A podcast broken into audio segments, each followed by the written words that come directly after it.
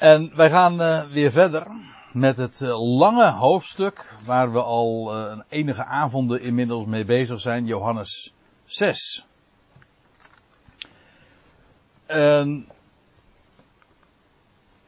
zoals te doen gebruikelijk wil ik eventjes nog terugblikken op wat we de vorige keer hebben besproken. Of laat ik eventjes in het algemeen het over Johannes 6 dan hebben. het eerste deel van Johannes 6 dat beschrijft de geschiedenis van de, van de spijziging van de 5000. Eigenlijk is dat ook de basis voor de rest van het hoofdstuk, want uh, het grootste gedeelte van het hoofdstuk is eigenlijk niets anders dan een uitleg van wat er die dag en bij die gelegenheid is gebeurd.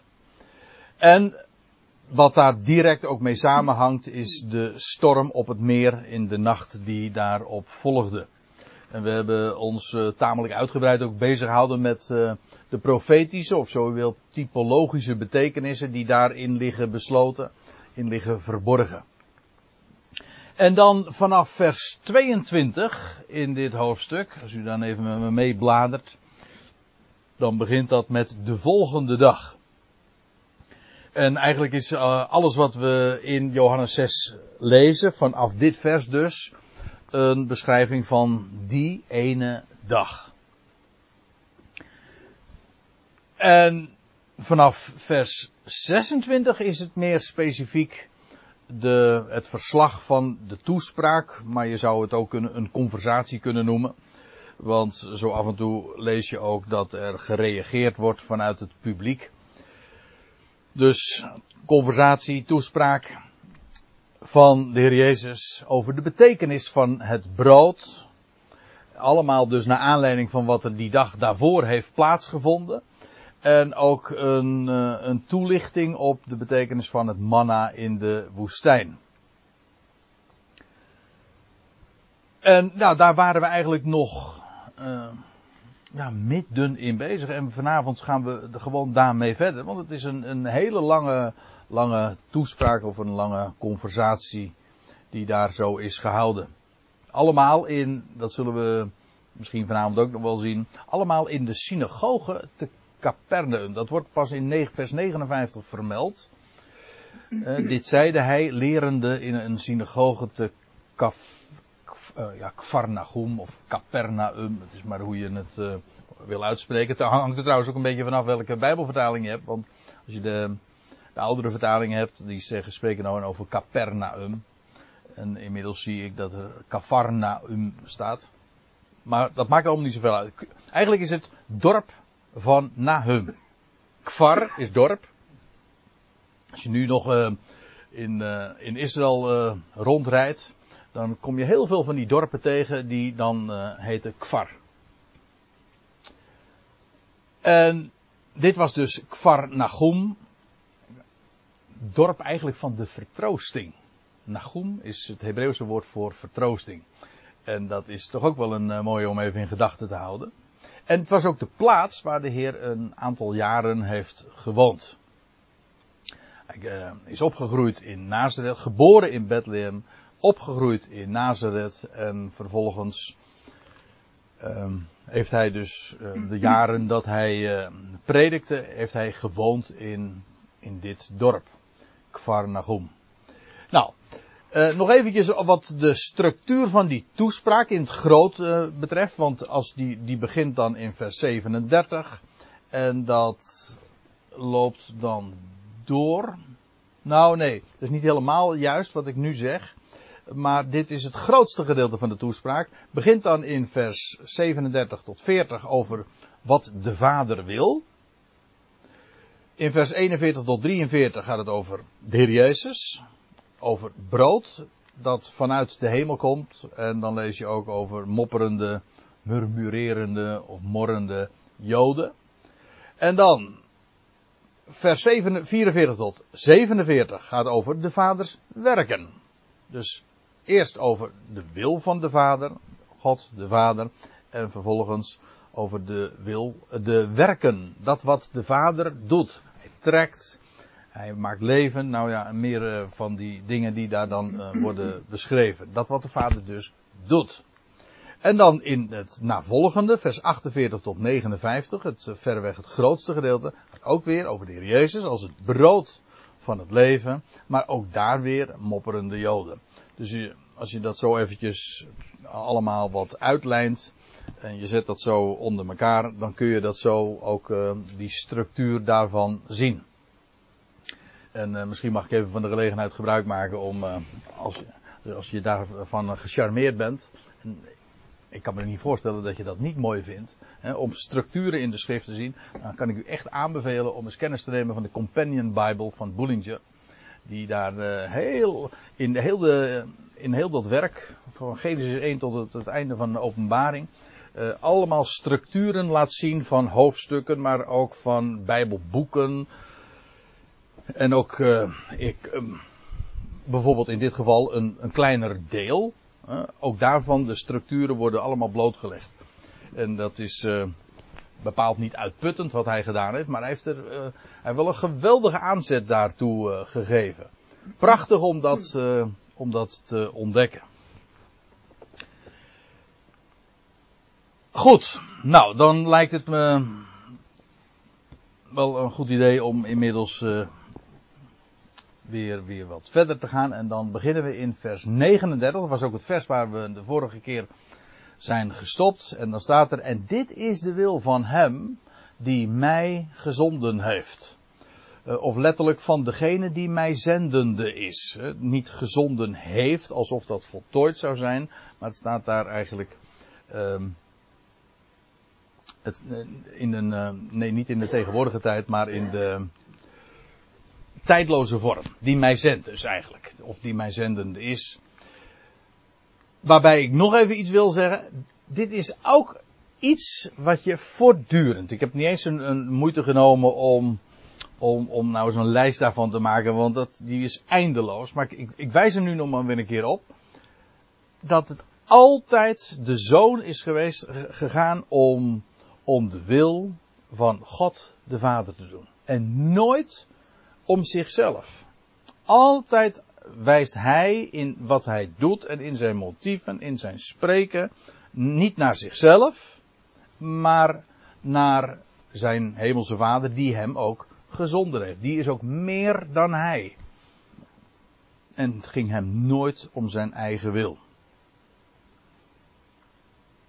En als ik het zo zeg, dan uh, moet ik onwillekeurig denken aan wat er later gebeurde dit vond, misschien nog eventjes eh, ter herinnering, dit vond allemaal plaats in de tijd van Pesach. Dat eh, hadden we eerder gelezen in Johannes 6, dat het de tijd uh, was van Pesach, of vlak voorafgaand aan Pesach. En u weet, tijdens dat hoog, die hoogtij, tijdens dat feest, is de later ook, een jaar of twee jaar later, is hij ook uh, heeft hij uh, zijn leven afgelegd. En nou, wat zei hij toen in die nacht voordat hij werd overgeleverd, dat hij in Gethsemane ging, dat hij zijn, tot zijn vader bidt, tra zwetend, uh, bloeddruppels.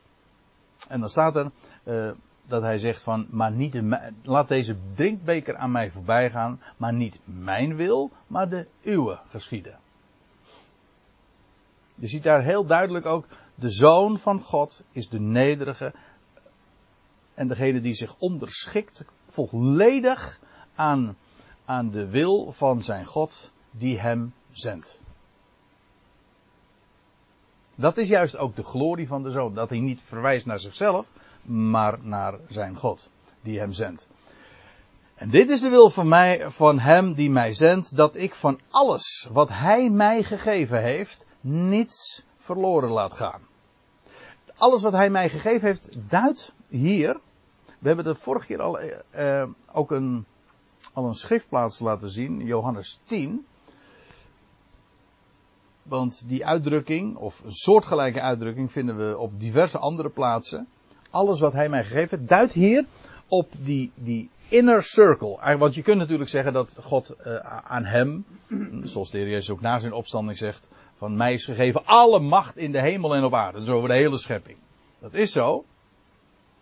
Maar daarin is specifiek uit die wereld een deel aan hem gegeven, aan hem toevertrouwd. En met name in het Johannes, eh, in het 17e hoofdstuk, het zogenaamde hoge priestelijk gebed, daar lees je die uitdrukking diverse keren, vers 2, 6, 9 en 11.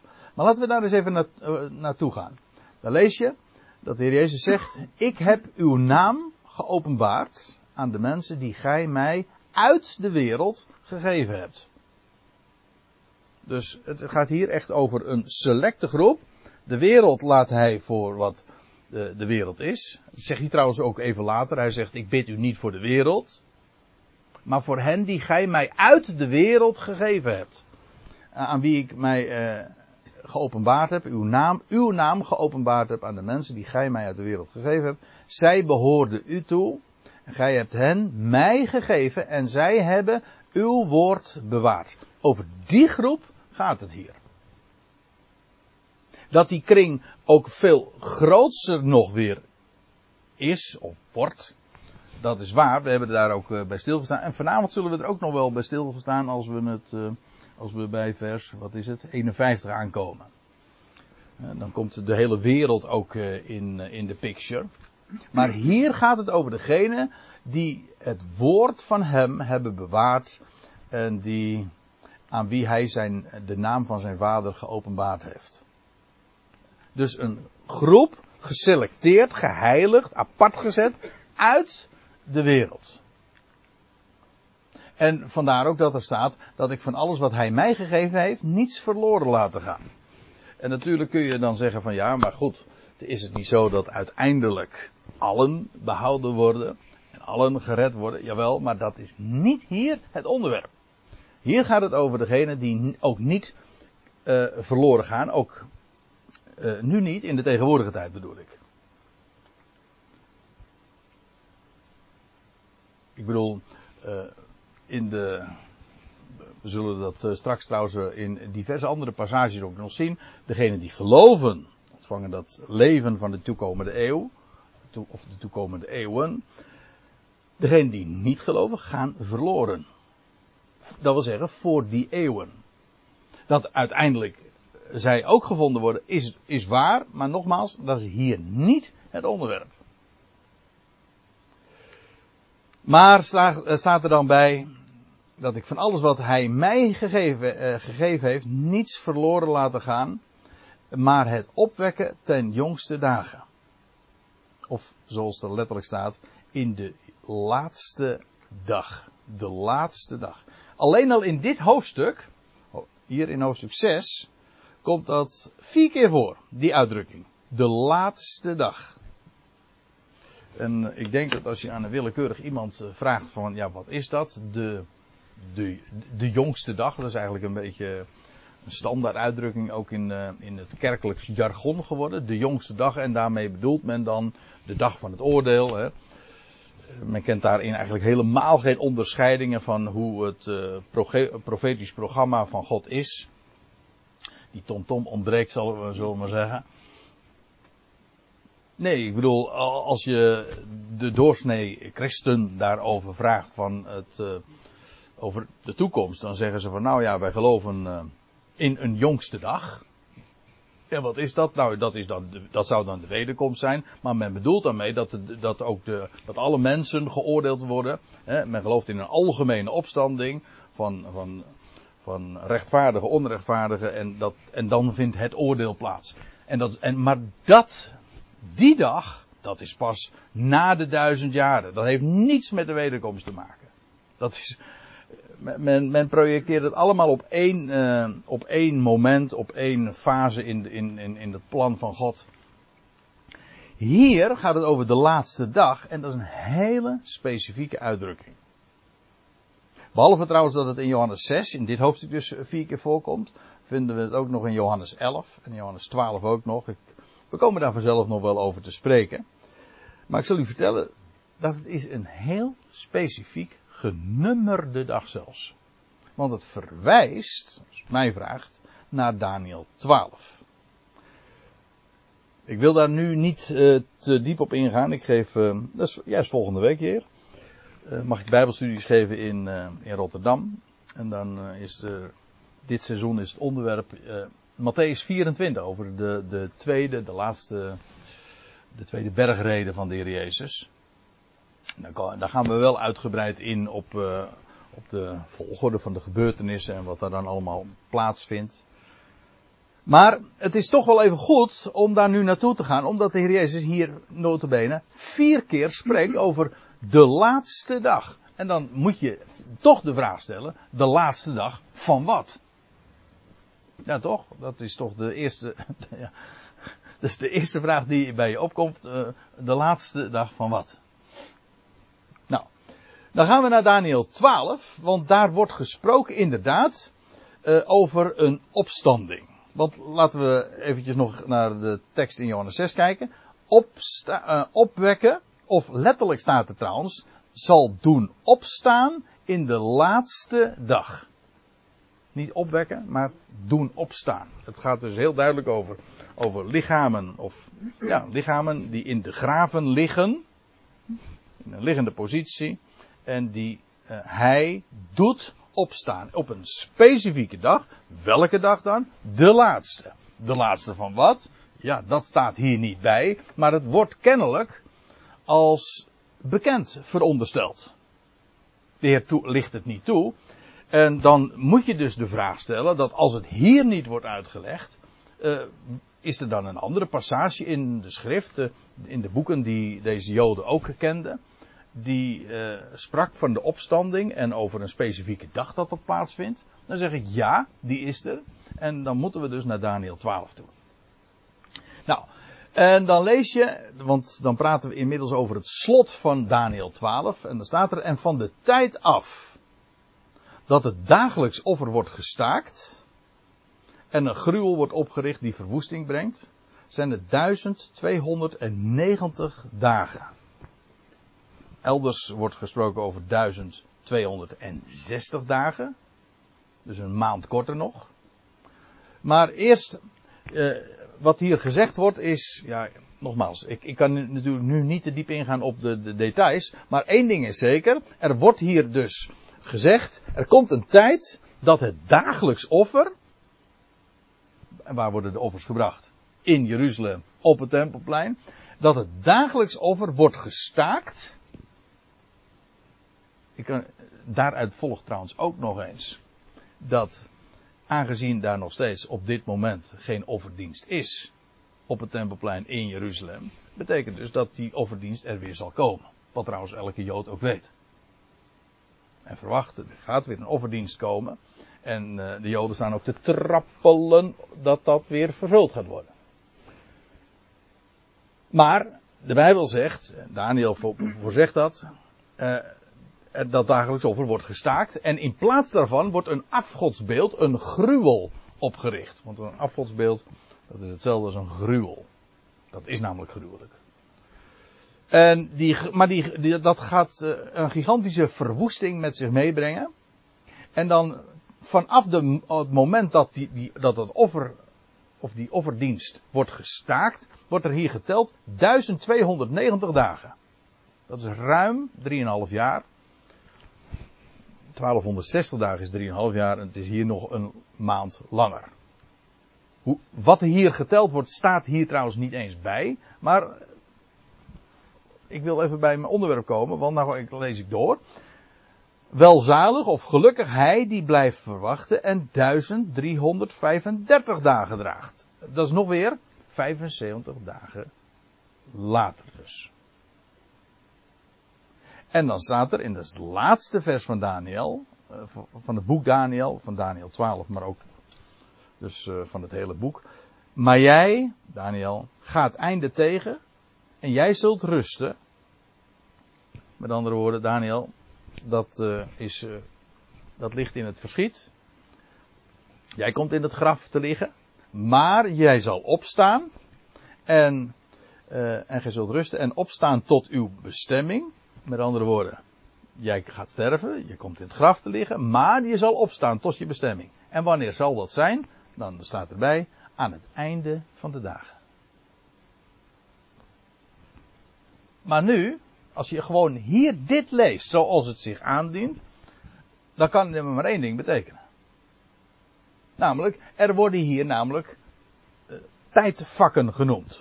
Eerst wordt hier gesproken over 1290 dagen, maar gelukkig hij die 1500, 1335, dus 1335 dagen wacht, uh, bereikt. Nou, en dan wordt er tegen Daniel gezegd, en jij zal rusten en opstaan aan het einde van de dagen. Welke dagen? Nou, die dagen die in het voorgaande vers genoemd waren. Toch? Als je gewoon leest zoals het zich aandient, dan kan het einde der dagen, waarin Daniel zal opstaan tot zijn bestemming, maar één ding betekenen, en dat is dat hij zal opstaan op, op die 1335, uh, 1335ste dag. En dat is 75 dagen na de grote verdrukking, maar over de, die details, uh, nogmaals, uh, wil ik nu niet, uh, daar wil ik nu niet dieper op ingaan. Maar het gaat me even om het punt dat als de Heer spreekt over opstaan, aha, over de, in, over de laatste dag, dan verwijst hij onmiskenbaar naar Daniel. En dan gaat het oh, inderdaad over een hele specifieke dag. Nogmaals, over al die gebeurtenissen, de grote verdrukking, over die verwoesting, over die gruwel op het tempelplein en over wat daar dan allemaal nog gaat gebeuren. Dat is nu niet het onderwerp. Maar Daniel zal opstaan op een specifieke dag. Dat wordt tegen hem gezegd. En dat is die 1335 35ste dag. Dan zal hij opstaan. Maar niet alleen Daniel, maar al die rechtvaardigen van Israël. Dus, ja, dat uh, lijkt mij toch echt de, de onmiskenbare betekenis die, uh, van die uitdrukking. Van hem opwekken op de, op de laatste dag.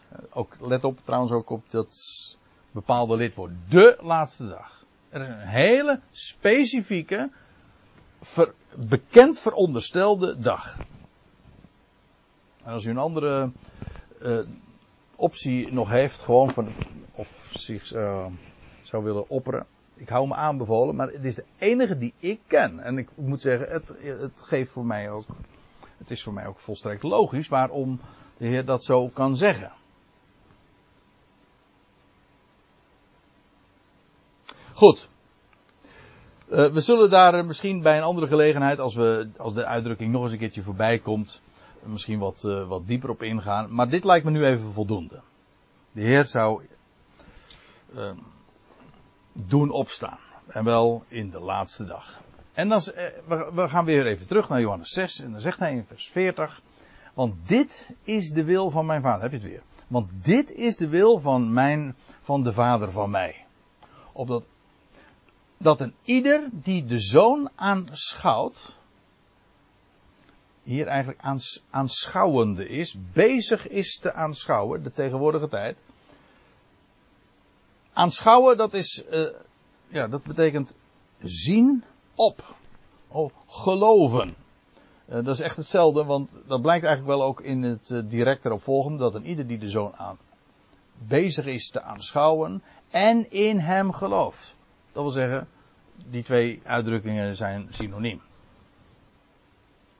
En ik heb hier expres nog even verwezen ook naar de geschiedenis van de koperen slang. Dan had je dezelfde gedachte. Johannes 3, vers 14, dat, je, dat de Heer in het gesprek met Nicodemus er dan op wijst. Dat hij zegt van, opdat een ieder. Uh, oh ja, nee, dan spreekt hij over die, die slang die verhoogd werd in de woestijn. En ieder die op die slang zag, die werd genezen van die slangen, van die giftige slangenbeten. Anders zou men omkomen, verloren gaan, maar een ieder die op die slang, die verhoogde slang zag, wel, die ontving leven. Die kwam niet om, die ging niet verloren.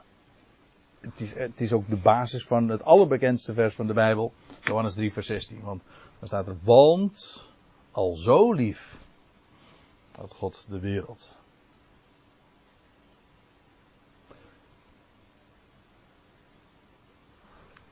dat aanschouwen dus van de zoon. Trouwens, uh, moet ik er nog even iets bij zeggen. Daar gaat het wel degelijk ook over het aanschouwen van de verhoogde zoon. De, de slang die verhoogd werd, spreekt van de verhoogde Christus. Ik weet dat uh, dikwijls uh, dan gedacht wordt aan, aan het kruis. Maar het kruis is in de Bijbel niet zijn verhoging, maar is juist zijn uiterste vernedering. Het lijkt me precies tegenovergestelde. Fysiek kan ik me er iets bij voorstellen dat je zegt van ja, maar hij werd toch verhoogd aan een kruis. Ja, maar dat was, dat was juist zijn vernedering. Hij werd verhoogd en juist in zijn verhoging, hij stond, hij is door God opgewekt en, en hem is een naam boven alle naam gegeven, maar juist in hem, die het leven aan het licht bracht, ja, daarin ontvangt een mens leven. Ook, dat is, uh, lijkt me heel erg logisch. Oké, want dit is de wil van mijn vader, dat er ieder die de zoon aanschouwt en in hem gelooft, dat is hetzelfde namelijk, eeuwig leven hebben. Hoe vaak komt die uitdrukking niet voor in het Johannes Evangelie? Hoe vaak zijn we hem inmiddels al niet tegengekomen?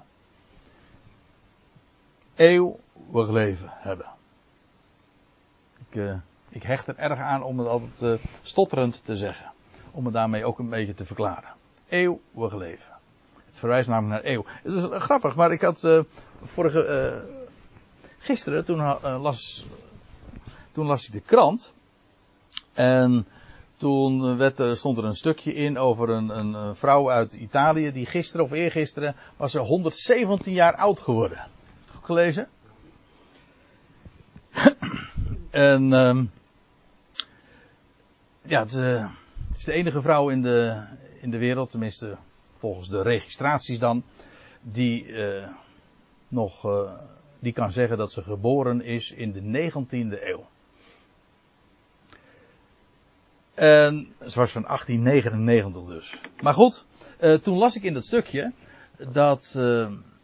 Ja, het ging het over het, het, geheim van die vrouw, want het is altijd. Dat is de eeuwige vraag, hè? Zo stond het er De eeuwige vraag aan iemand die dan uh, ouder geworden is dan een eeuw. Dus, en notabene, zij, zij leeft nog steeds. Die was van, ja, wat is dan. hoe, hoe krijg je het toch van elkaar om zo oud te worden? En dan krijg je soms de, de gekste antwoorden. Ja, haar, haar, haar verklaring was trouwens dat ze twee rauwe eieren per dag at. En elke dag? Dezelfde eieren, hè?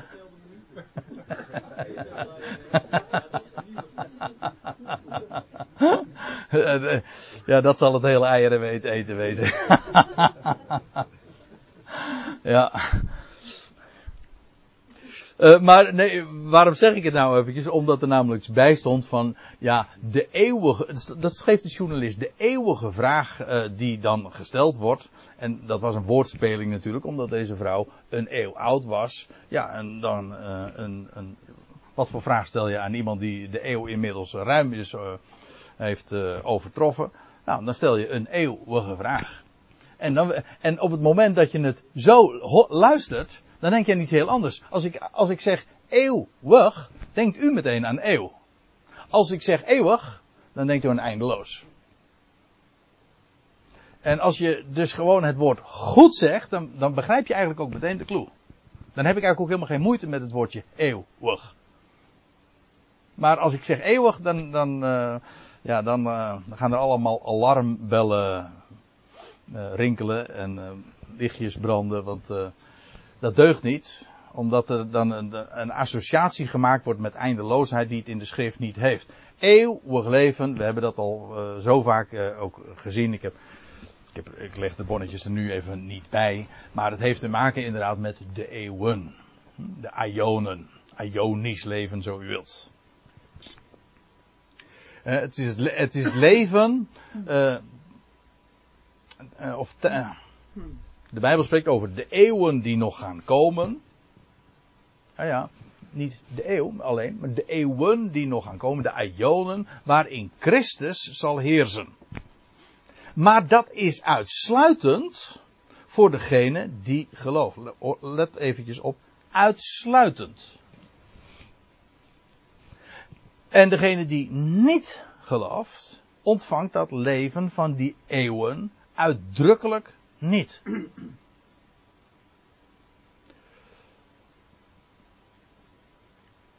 Maar er is een, verschil met een ander begrip en dat is eh, onvergankelijk leven. Die uitdrukking vind je ook verschillende keren.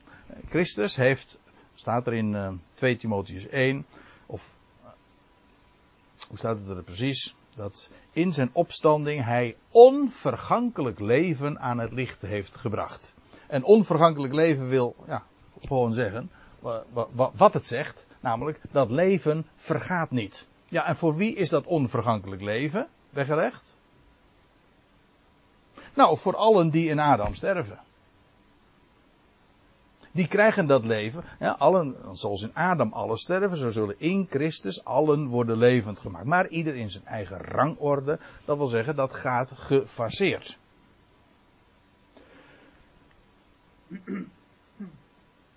Dat eeuwige leven, dat ontvangen slechts zij die geloven. Dat onvergankelijke leven, dat ontvangen alle mensen. Als namelijk, nou laat ik het uh, eventjes in een schema dan aangeven. Uh, we krijgen straks, uh, over niet al te lange tijd, het einde van de aion en dan zullen er van deze aion en dan zal er een nieuwe aion aanvangen en dat is de aion van de duizend jaren. Dat is die toekomende eeuw. Maar daar blijft het niet bij. Ook in de eeuw die daarop zal volgen, een nog overtreffendere, overtre, meer overtreffende aion zal dat zijn. Openbaring 20, e, nee 21, 22 de nieuwe hemel en de nieuwe aarde, een Jeruzalem dat uit de hemel neerdaalt, zal daarop volgen. Het over, de overeenkomst tussen deze ionen is dat in beide ionen Christus zal heersen. Maar dat niet alleen, hij zal heersen met de zijnen. Een select, selecte groep die, die van ja, gedurende de ionen die daaraan vooraf gegaan zijn, verzameld is. En die in die heerschappij ook zullen delen. Some way, somehow zal ik maar zeggen. Want daar, ook daar zijn weer allerlei schakeringen in. Maar het gaat me even om het, om het principe. Tijdens deze ionen zal Christus heersen. En hij heerst, ja, totdat. Totdat hij zijn, de laatste vijand zal hebben teniet gedaan en dat is de dood. En als de dood teniet gedaan zal zijn, ja, raad eens wat dan is er dus geen dood meer. En dan leven wie dan? Als er geen dood meer is, dan leven allen.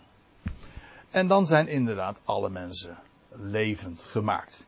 Het leven tijdens deze ionen is ook voor de gelovigen onvergankelijk leven. Maar het is nog meer, het is nog, het kan ook uh, op een andere manier gekarakteriseerd worden, namelijk als eeuwig leven. Het is namelijk het leven van de eeuwen, van die toekomende eeuwen. Het leven dat deze mensen ontvangen, dat wil zeggen, na deze gebeurtenis, als de dood als laatste vijand is er niet gedaan, dat is geen eeuwig leven. Zij, hebben, zij ontvangen onvergankelijk leven, wat nooit dus meer voorbij gaat, maar het is geen eeuwig leven. Want de eeuwen zijn inmiddels voleindigd, voltooid, en, en dan, ja, dan krijg je dus een heel andere situatie. Dan is er trouwens ook helemaal geen eens dood meer. Dan is het gewoon leven.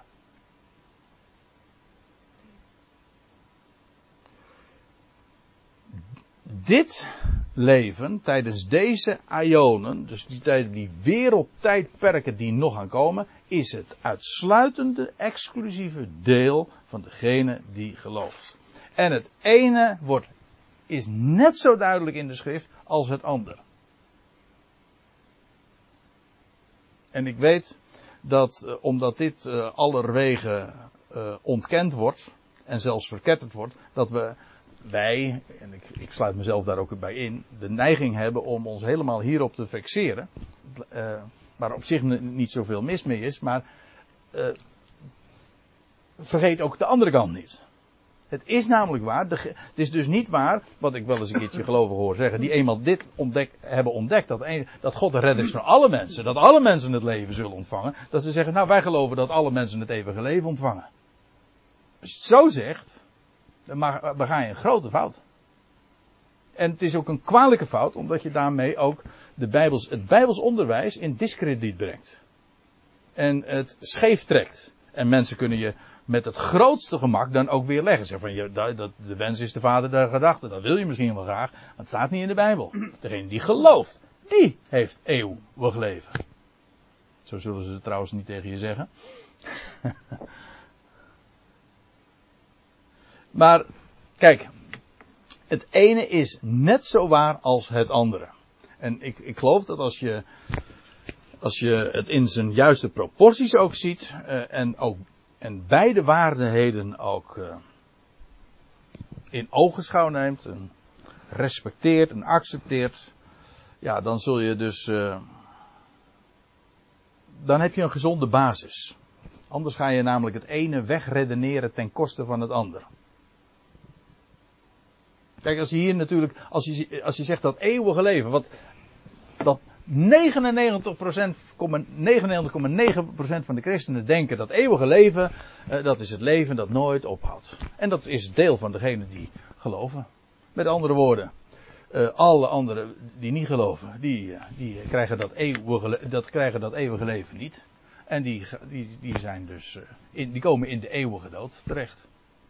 Nou, dat is een afschuwelijk misverstand. Sterker nog, ik ga, ik ga het nog sterker vertellen. Als je het zo zegt, je het evangelie niet. Het evangelie is namelijk juist de boodschap dat Jezus Christus de dood heeft overwonnen en ook teniet zal doen. Als je, als je, als je dit werkelijk aanvaardt en gelooft, dan, dan, dan, dan is het de gedachte van een eeuwige dood, in de zin dus van een eindeloze dood, dat staat haaks juist op die geweldige blijde tijding. Dit is dus uh, het hele idee dat het eeuwige leven dus het eindeloze leven is, is in zijn consequentie dus een aantasting van het evangelie.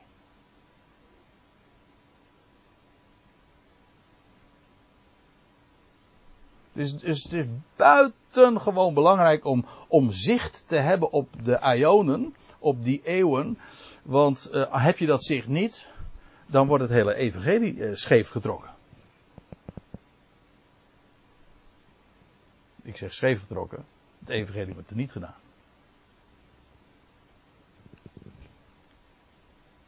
Ja, nou, ik, uh, ik vond toch wel even de, de moeite waard om, om dat even, of de, om goed de puntjes op de i te zetten. En, en, en waarom het zo belangrijk is om, om dit zo te aanvaarden. En, en degene die in hem gelooft, eeuwig leven hebben.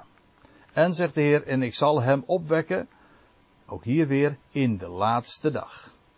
Ik zei al, in Johannes 6 komt dit gegeven vier keer voor. Dus we, we, we zullen het nu nog twee keer tegenkomen. En dan staat er in vers 41, ik ga verder. De Joden dan, die morden over hem. Mopperen. Waarom? Omdat hij gezegd had. Ja, dat is trouwens uh, wel opmerkelijk. Ik, ik, heb hier dat woordje morden even onderstreept. Omdat je ziet een neergaande lijn. Een neergaande trap. In de wijze waarop ze, ze Jezus bejegenden. In vers 14 was er nog enthousiasme over het feit dat hij dat teken had verricht van die vorige dag. Uh, dan lees je in vers 34 dat ze het verlangen hadden van geef, on, geef ons dat, uh, dat brood dan. Ze begrepen het niet, maar dan zo vragen daar verlangen naar. Nou, hier vers 41 lees je dan dat ze gaan morden. En dan in vers 66 lees je dat ze zich uiteindelijk afkeren van hem. Dus dat is echt een, een hele duidelijk neergaande Het begon met enthousiasme. En uh, het keerde zich om in, in morren en mopperen. En uiteindelijk een, uh, een, een, massale afkeer zelfs van, uh, van de Heer Jezus. Dus de, de toon was wel gezet.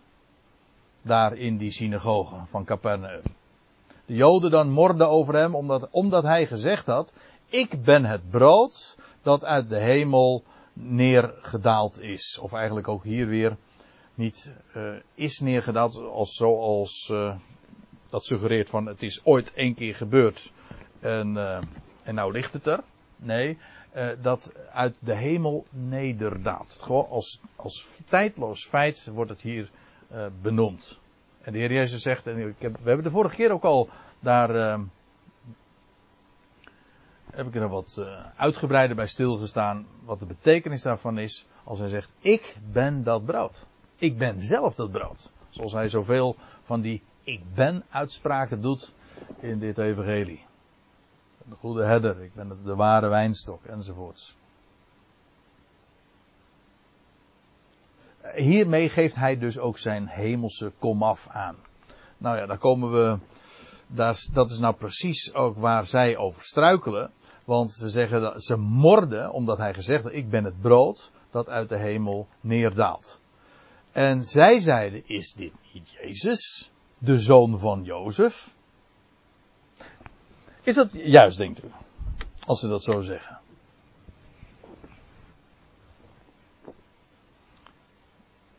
Is dit niet Jezus, de zoon van Jozef? Ik heb mezelf die ook uh, die vraag uh, afge. Ik heb me, ja, mezelf die vraag gesteld. En het antwoord is, ik zal het straks ook laten zien wettig gezien is dit correct. Hij was inderdaad de zoon van Jozef. Het staat letterlijk zelfs zo. Maar biologisch, ik heb tussen aanhalingstekens eh, gezet, uiteraard niet. Dat is juist, dat is juist de clue. Maar waar zij hier in de synagoge van Capernaum uh, totaal dus niet van op de hoogte bleken. We gaan eerst even naar Lucas 1. Daar, komt, daar, is die, daar lees je dit. Daar komt de boodschapper tot Maria slotverrekening is, uh, de maand december is aangebroken, dus we, we, mogen het er weer over hebben. Niet dat we er iets van ons van, van aantrekken natuurlijk, maar goed. Het komt wel aardig uit. En Maria zei tot de boodschapper, die hemelse boodschapper, Gabriel wordt hij genoemd. Hoe zal dat dan geschieden? Want zojuist was gezegd van, dat ze een zoon zou baren. En dan staat er, uh, zij stelt dan de, dan de vraag, hoe zal dat geschieden, daar ik geen omgang met een man heb? En de boodschapper antwoordde en zei tot haar: Heilige Geest zal over jou komen. Niet de Heilige Geest met hoofdletters, nee. Heilige Geest zal over jou komen en kracht van de Allerhoogste zal jou overschaduwen. En daarom zal ook het Heilige, dat verwekt wordt, Zoon van God genoemd worden. Als u mij vraagt, dit is de meest fundamentele en ook de meest logische uitleg van de, de titel die hij heeft, namelijk Zoon van God. Waarom is hij Zoon van God? Wel, hier legt de boodschapper Gabriel het uh, haarfijn uit aan, aan uh, Maria. Er komt geen man aan te pas. De kracht van de Allerhoogste, Heilige Geest, zal over jou komen. En en daarom, dat wat uit jou voort zal komen, wat je zal baren, zal daarom zoon van God genoemd worden. Geen zoon van Jozef, jouw aanstaande. Nee, zoon van God. Die heeft dat namelijk in jou, door de kracht van de Allerhoogste en de Heilige Geest die over jou komt, verwekt. Ja, en dit is de werkelijke gang van zaken natuurlijk. Daarom is hij de zoon van God. Een van de, de termen, een van de titels of een van de namen, zo u wilt. Ja, de Bijbel spreekt er uh, zo over. Over de naam van de zoon van God. Een van de namen in het Johannes-evangelie voor de Heer Jezus is juist ook dat hij is de zoon van God. En het wordt juist uitgelegd in het, uh, in het Lucas-evangelie. En uh, dit is een. Uh, terwijl ik er zo nog aan zit, uh, aan zit te denken, moet ik ook denken aan wat, wat moslims hierover denken. Dus het is een enorm struikelblok natuurlijk voor, voor de islam. Ik was ooit op het, op het Tempelplein en dan, toen werd mij gewezen door de gids op de tekst daar, op de, die rotskoepel, de gouden rotskoepel waar dan de tekst staat, staat in het Arabisch, dus ik kan het helemaal niet checken, maar goed. Eh, het zal wel eh, waar zijn dat daar de tekst staat: God heeft geen zoon. Dat is een van de beleidenissen van, van de islam. Maar dat is juist de clue van de Bijbelse boodschap: God, God heeft een zoon. En God heeft zijn zoon gegeven. Sorry? Alle toch een andere vader. Ja, precies, ja. Ja. Ja, die God van de islam is toch echt een ander, ja.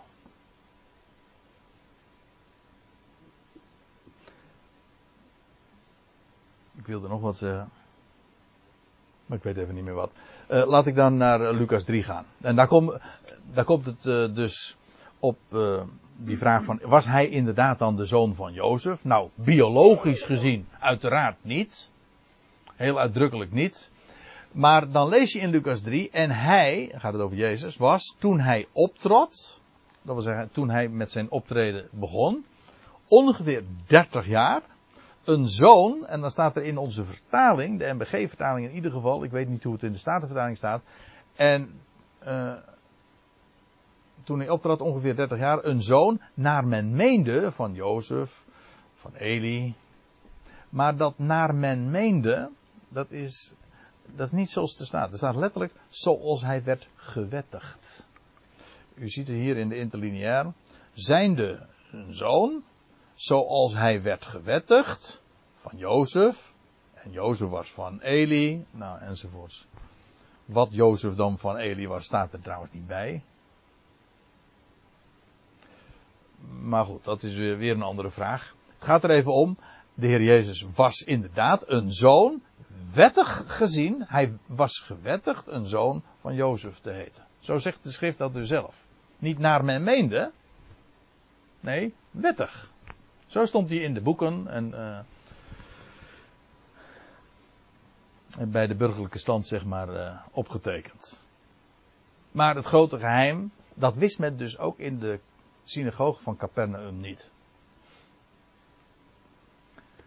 Namelijk dat hij werkelijk zoon van God was. Er deden trouwens wel verhalen over hem de ronde. Namelijk dat hij een zoon zou zijn, een, een biologische zoon uh, van een Samaritaan. Dat wil zeggen dat hij een buitenechtelijk kind zou zijn. Daar komen we trouwens in Johannes 8 nog over te spreken. Ik wil het hier uh, even bij houden. Uh, want het gaat even om de, de verwarring, of eigenlijk het mopperen daar in die synagoge, naar aanleiding van wat de Heer had gezegd, van dat hij uit de hemel neerdaalde. En dan zeggen zij, is dit dan niet Jezus, de zoon van Jozef, wiens vader en moeder wij kennen? Dat wiens vader en moeder wij kennen, dat is wat lastig. Want, uh, en vanuit het Nederlands en vanuit de Griekse tekst kun je niet opmaken of dat op wie dat wiens uh, nou slaat. Slaat het op Jezus of op Jozef? Dus uh, is dit niet Jezus, wiens vader en moeder wij kennen? Namelijk Jozef. Overigens, in die tijd uh, zal Jozef al niet meer hebben geleefd. We lezen ook nooit meer in de Evangelie. De Heer Jezus eenmaal is opgetreden. We lezen vaak, of diverse keren, over Maria, zijn moeder, over zijn vader. Helemaal niets meer. Dus kennelijk is die al overleden. We hebben trouwens, weet u nog dat we, toen we het hadden over die geschiedenis van de, van de bruiloft te Cana, dat Maria was daar. En van Jozef wordt helemaal niets daar uh, gezegd. Maar goed, dat is een mogelijkheid. Het kan natuurlijk ook staan op Jozef. Hè? Is dit niet Jezus, de zoon van Jozef? Namelijk, wiens vader en moeder, namelijk van Jozef. Uh, dat wij de vader en moeder van Jozef kennen. In dat geval zou dus Jozef kennelijk uh, misschien groot geworden zijn, of in ieder geval uh, zijn ouders uh, gewoond hebben in de omgeving van Capernaum. Zou kunnen. Dus ik laat dat vraagteken maar gewoon. In de tekst geeft daarover geen uitsluitsel. maar het maakt voor de verwarring trouwens niet zo gek veel uit hoor. Dat wil zeggen de verwarring en het mopperen daar in die, in die synagoge. Want het gaat erom dat zij, uh, dat dit soort overwegingen voor hen de reden dan is dat zij zeggen van ja maar hoe kan hij dan zeggen ik ben uit de hemel neergedaald. Ik ben afgedaald vanuit de hemel. En weet u wat nou zo grappig is? Als de Joden dit zo met elkaar overwegen, onder elkaar lees je trouwens. Uh, ze mopperden onder elkaar. Ze zeiden dit niet rechtstreeks tegen Jezus zelf. Maar ze mopperden en de Heer uh, merkte dat. Hij gaat niet in op deze verwijten. Hij gaat, hij gaat nog een, een, een laag dieper. Hij omzeilt deze, deze hele kwestie. Van over zijn afkomst. En dat hij de zoon van God is. En wat hij dan werkelijk uh, dan naar, naar voren gaat brengen. Nou, misschien, ik zie dat het inmiddels negen uur is. Dat we dat dan uh, daarmee verder kunnen gaan als we eerst even hebben gepauzeerd. Is dat goed?